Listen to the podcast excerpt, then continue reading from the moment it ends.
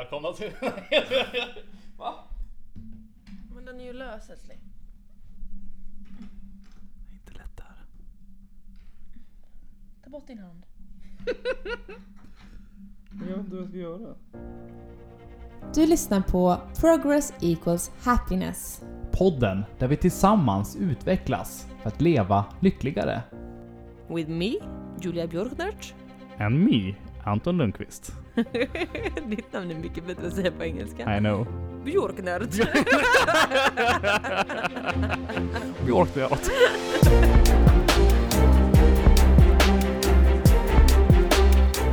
Jag ska säga, vi har startat dagen med en löptur och vi har ätit. Vi har ätit. Vi har Det är en ätit. fördel att äta varje dag faktiskt. Mm. Det underlättar ganska mycket för ens prestation. Och vi ska prata om prestationer idag. Oj, wow vilken smooth övergång. Visst. Vi ska prata om prestation ja. Ja, framförallt prestationsångest. Jajamän.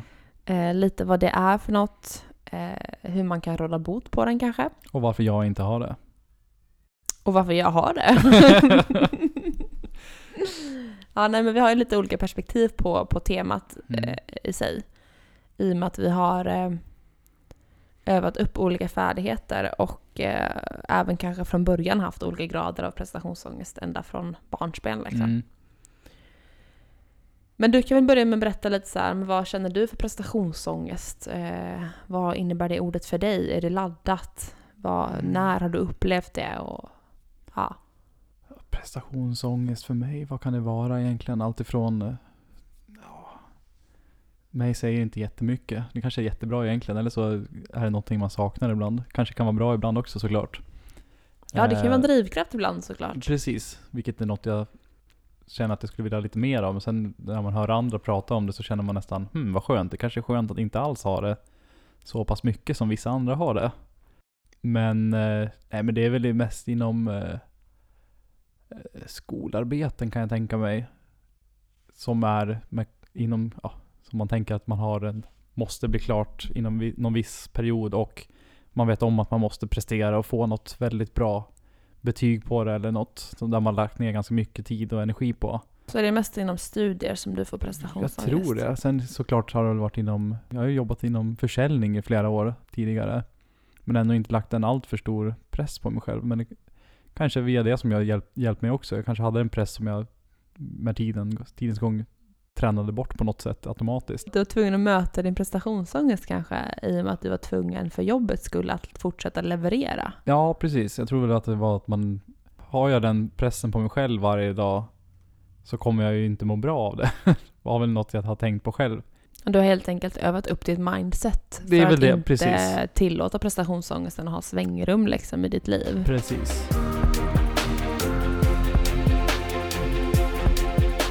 Ja, vad innebär det för dig då? Nej men prestationsångest är ju tyvärr en väldigt stor del av mitt liv.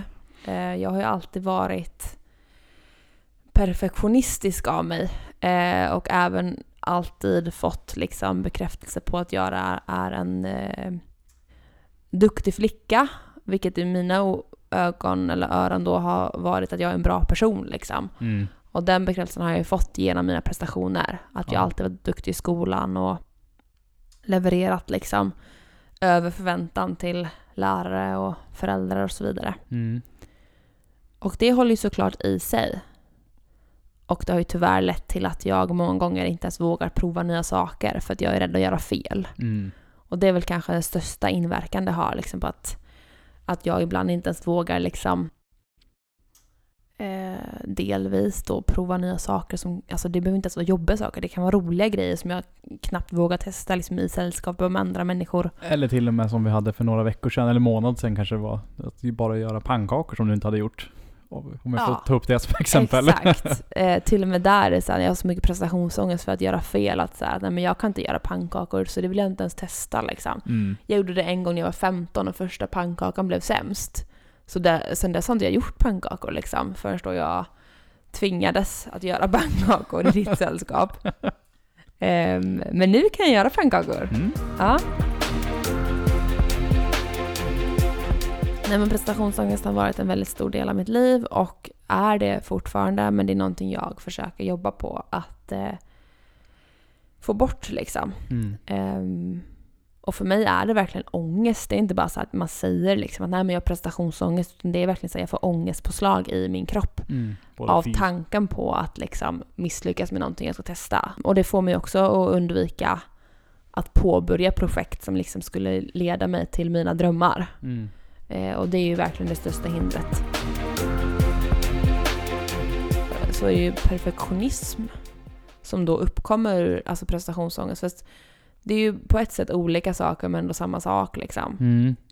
Jag har ju prestationsångest för att jag vill leverera och inte göra fel. Mm. Och det är ju min perfektionistiska sida liksom som så att nej men kan jag inte göra någonting bra så gör jag det inte alls. Mm. Det måste vara perfekt från liksom start. Precis. Vilket är ju, det är ju ett helt orimligt krav att ställa på sig själv. Ja, för då gör man ingenting.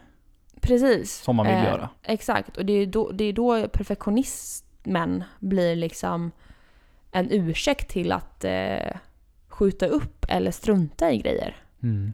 Har du några bra exempel? Alltså jag kan ju säga att eh, när jag väl fick ett betyg som inte stämde överens med mina förväntningar när jag pluggade på universitetet. Eh, och det var liksom när jag, eh, det, gud det här är jobbigt ens att prata om och erkänna för folk liksom att jag har misslyckats med någonting. Men det är okej, det är nog många Eh, andra som känner igen sig säkert. Ja, men då, det gick inte så bra som jag hoppats med min C-uppsats. Mm. Och vi hade liksom opponeringen dagen innan examen så att man ville ju egentligen inte att det skulle gå dåligt för att man ville ju vara peppad och glad inför sin examensdag. Mm. Men det gick eh, inte alls som förväntat utan det gick rent ut sagt skit. Eh, så vi hade ganska mycket arbete att göra om. Ehm, Och ni fick inte godkänt ens eller? nej, vi fick inte godkänt. Vi behövde inte gå upp på opponering igen men vi behövde liksom revidera stora delar av uppsatsen innan vi lämnade in den för slutgiltigt betyg. Liksom. Ja. Nej men jag, jag bröt ihop totalt. Jag eh, pratade inte med min kompis som jag hade skrivit uppsats med hela, på hela vägen hem. Liksom. Jag var bara helt i min egen värld. där Jag liksom bara slog på mig själv och sa åt mig själv att jag var värdelös och jag hade misslyckats och hur fan kunde det bli så här och, och, och vem skulle tycka att jag var duktig nu liksom. Och det var som att hela min identitet typ fallerade Mm. av att jag hade misslyckats med den här eh, grejen då som jag då målade upp som super, super stor. Men som nu i efterhand egentligen inte spelar någon roll för jag fick ju till slut ett betyg som var godkänt på min uppsats liksom. Jag sköt upp redigeringen av uppsatsen helt och hållet. Eh, till slut så var det min kompis som jag skrivit med som hon började liksom redigera helt på egen hand och sen så när det var nästan klart så sa hon till mig att nu får du skärpa dig Julia så gör vi ihop gör vi det här sista tillsammans liksom och sen lämnar vi in den. Så hon gjorde kanske 70% av arbetet liksom av redigeringen för att jag bara helt och hållet jag kunde inte sätta mig ner och och redigera en uppsats som jag kände var ett misslyckande från mitt håll. Okej, så du ville knappt ta tag i det alls? Nej men jag gjorde ju inte det ens. Eller, Hade hon, gjorde precis. eh, jag vet inte hur långt det hade tagit för mig. Jag hade ju gjort det till slut. Ja. Alltså så mycket vet jag ju om mig själv. Jag hade ju gjort det till slut. Men jag hade ju inte mått bra under sträckan från att jag eh, såg det som ett misslyckande till liksom hela undvikande fasen. Till att till slut faktiskt bara göra det. Mm. Och det är många sådana saker jag har liksom struntat i att fixa eller skjutit upp väldigt lång tid. För att det har varit så här, det här vet inte jag hur man gör så jag vågar inte ens göra det. Men jag vet att du har ju haft lite liknande känslor liksom som du har tränat bort i andra sammanhang. Sociala sammanhang kan man väl säga. Jag var ju... Jag vet inte vad det var. Jag kände, det var väl någonting jag kände att jag saknade och att jag hade som potential egentligen. Eh, jag hade väl tänkt, till och med tänkt tidigare bara, är jag, är jag egentligen introvert? Jag gillar att vara själv ibland eller hmm. Eh, fast det är någonting som bara, nej kanske inte. Men pusha mig själv och nästan gå- ut och prata med folk som jag all, inte ens kände. En kompis jag var med som bara Ole Dole Doff, Kinkelane, Ole Dole blapp blapp blapp. Och till slut de han sa på, så gick jag fram till och bara pratade om ingenting. De, de satt med en chipspåse och jordgubbar och jag kom fram och bara hallå vad är det här för någonting? Och började snacka med dem och till slut eh, Ja, de tyckte jag var jätterolig. Jag tyckte de var härliga också. Nu kanske det bara var lite tur att man, vilket man hamnade vid också. Ja just det, för hade de reagerat negativt så kanske det hade varit liksom jobbigare att försöka göra samma sak. Ja, precis. Och då blev väl det positivt i sig så att man vågade göra det flera gånger. Även fast man blev uppfattad som väldigt konstig. Att man kom fram och bara Va? Vad snackar du om? Alltså, men jag pushade mig själv till liksom att snacka med folk som jag inte ens hade pratat med eller ens hade någon, någon connection eller koppling till alls egentligen. Mm. Det är ju inte så...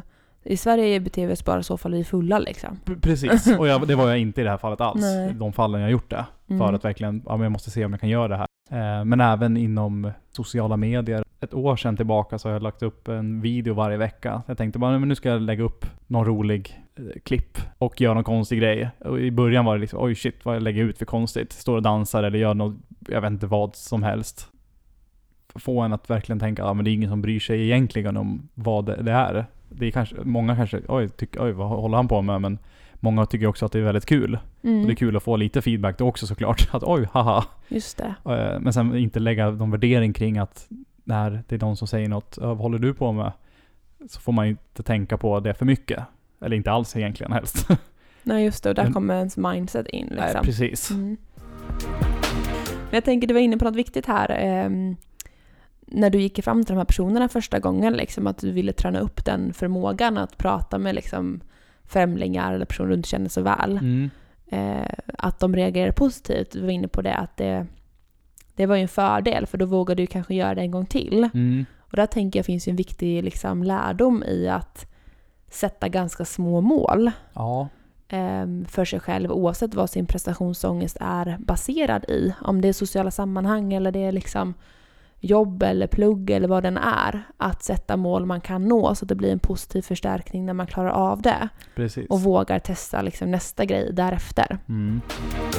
Eh, Jag har ju inte klarat av allting liksom på 100% egen hand men det gör vi ju oftast inte som människor heller.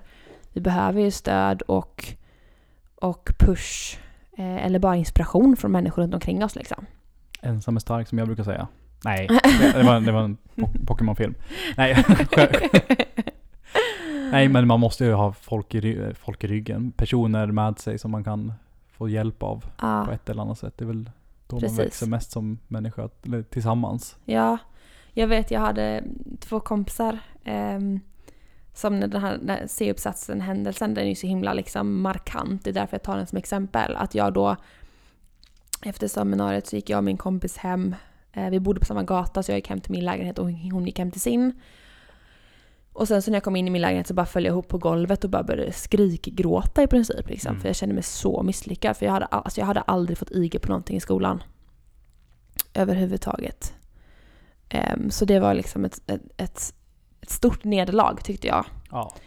Och då smsade jag eh, två kompisar och skrev liksom till dem bara så här, gud jag mår så dåligt, det gick så dåligt på seminariet och allting. Eh, och då kom de hem till mig med lite fika. Och så satt vi på min balkong.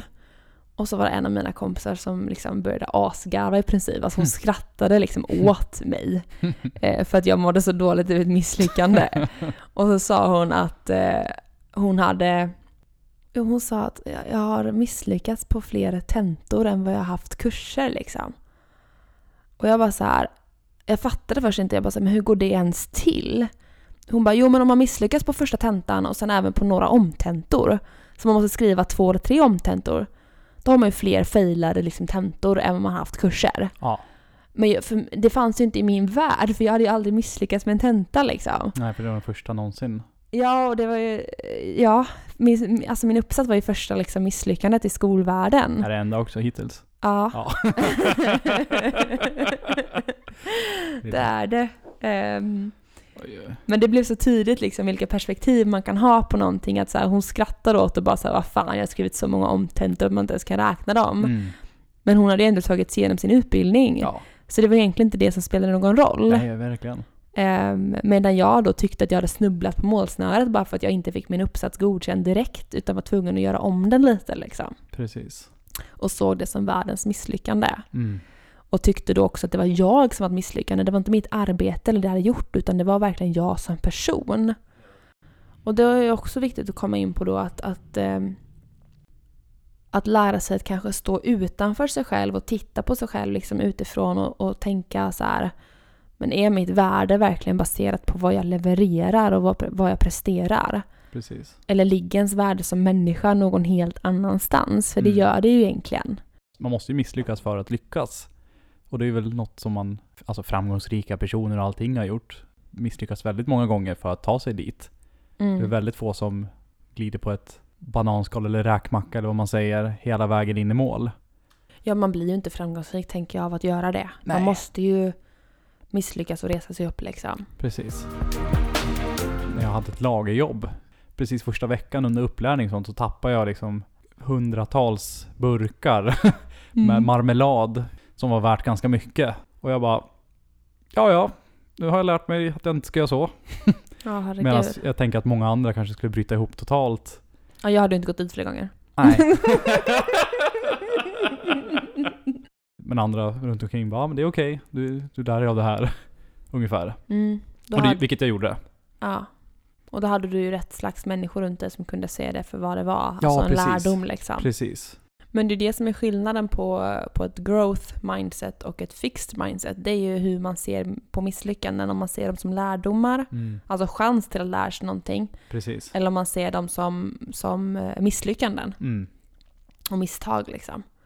Eh, och man vill ju inte vara i ett fixed mindset. Så då behöver man ju lära sig att släppa perfektionisten i sig. Släppa prestationsångesten och eh, våga testa nya saker och våga göra då de här misstagen eller misslyckanden för att utvecklas liksom. exakt. Och hur gör man det? Ja, hur gör man det? Eh, nej men vi var inne lite på det här med att ta det stegvis för att liksom Sätter man höga mål eller höga krav på sig själv, vilket man ofta gör om man har prestationsångest, ehm, så är det också mycket svårare att nå dem. Mm, Och misslyckas man då på vägen så kanske det är större risk att man slår på sig själv och tänker att nej men jag klarade ju inte det här, eh, precis som jag trodde. precis. Utan man istället börjar i mindre steg, liksom, har mindre delmål och eh, då med eh, mindre krav på sig själv. Sikta mot det omöjliga så kan du i högsta grad nå det möjliga. Eh, Jag vet inte om det för vissa är det ett jättebra citat, men för vissa andra så kanske det sätter ännu högre krav på sig själv. Jag har inte kunnat tänka så. Nej. Jag eh, är mer för mindsetet fuck it. Mm, Alltså istället för att tänka så här, ja nu ska jag isa det här, så tänker jag fuck it och bara så här, gör det ändå typ. precis. Att det får väl gå åt skogen då, Mm, men jag gör det åtminstone. ja, Ehm, och det släpper ju också kraven på att man ska kunna leverera någonting om man bara tänker fuck it och gör det ändå. Nu svär jag jättemycket här men det får vara så. det är, det är okej. Nej men det här med att man, man är inte sina prestationer. Jag som person är inte vad jag presterar. Jag är så mycket mer och så mycket annat liksom. Mm, Eh, men jag är inte mina prestationer och det är väldigt viktigt att, att eh, lära sig det och förstå det. mm. Även fast det är det väldigt många tänker att man är. Att man är sitt jobb eller yrke eller eh, vad man nu ska säga. Ja, och det är ju för att man har lärt sig att identifiera sig med sina framgångar eller- med sitt yrke liksom. Och precis som jag identifierade mig med att vara en duktig flicka och, och bra i skolan liksom så spräcktes hela min självbild av att jag misslyckades med någonting. Mm, Och det var ju för att den identiteten var ju liksom, den hade blivit för stark ja, på ett negativt sätt. För att jag kunde inte tänka mig att jag inte skulle leverera någon gång. precis. Så det fanns liksom inget utrymme för att göra fel. Och finns det inte utrymme för att göra fel så finns det heller inte utrymme för att växa och lära sig. Det här med att om du har höga krav på dig själv så har du också speglingar av det hos, alltså för andra människor. Så när jag har höga krav på mig själv så har jag också högre förväntningar på vad andra levererar. Mm, Och det var så, det var inte någonting jag tänkte att jag levde med. För jag tänkte så här, men jag är mycket snällare mot andra och andra behöver inte leverera. Och, och jag ger mycket mer beröm till andra och hejar på andra liksom. precis. Men sen när jag lyssnade på det här då så insåg jag att så är det ju inte. Jag har ju väldigt många tillfällen då jag har haft minst lika höga krav på andra som jag haft på mig själv. Mm, Som folk inte har kunnat leva upp till och som jag då har blivit besviken av. Alltså i och med att jag har en föreställning om att allting ska göras perfekt och en föreställning om att man inte får misslyckas, då lägger jag ju det på andra också. Och sen blir jag irriterad eller sur ifall någon gör fel. Och det har inte ens varit, det har ju självklart inte varit medvetet. Och inte någonting jag har tänkt på. Men när jag lyssnade på den här podden så fick jag en sån tankeställare och bara så här, shit det här är ju verkligen någonting jag gör. mm. Och då insåg jag att det är ju inte nice att vara en sån människa. Nej, Alltså jag vill inte vara en person som får andra människor känna sig otillräckliga. precis. Och då, för att kunna sänka kraven på andra så måste jag också kunna sänka kraven på mig själv eftersom det är liksom en spegling. Mm, Så jag kan inte förvänta mig att jag ska göra allting perfekt för då förväntar jag mig också att alla andra ska göra allting perfekt. Och det är ju en fruktansvärt elak förväntan att ha på andra människor. Ja, orimlig. Så som vi är mot oss själva, det är ju också en spegling av hur vi är mot andra. Men också då att eh, inse att den här perfektionistiska sidan många av oss har är liksom en form av försvar. Mm. För det gör att vi inte behöver testa nya saker. Vi kan skylla på prestationsångest och, och säga att det där kan inte jag så jag vill inte ens testa liksom. Eller nej det där vill inte jag göra, jag tycker inte det är kul. Men så har man inte ens provat. Och det är egentligen bara en rädsla för att misslyckas och rädsla för att göra bort sig inför andra och rädsla för att liksom skämmas på något sätt. Det var det hela för den här gången. Det var riktigt roligt att spela in det här Anton. Ja, riktigt kul. Jag har fått ventilera min prestationsångest och det känns bra. Och jag har fått lyssna. Och det har ni också fått göra. Så det är kul. Ja, tack för att ni lyssnar. Prenumerera gärna på vår podcast så att ni inte missar nästa avsnitt. Och så hörs vi snart igen. Hej då! Hej då!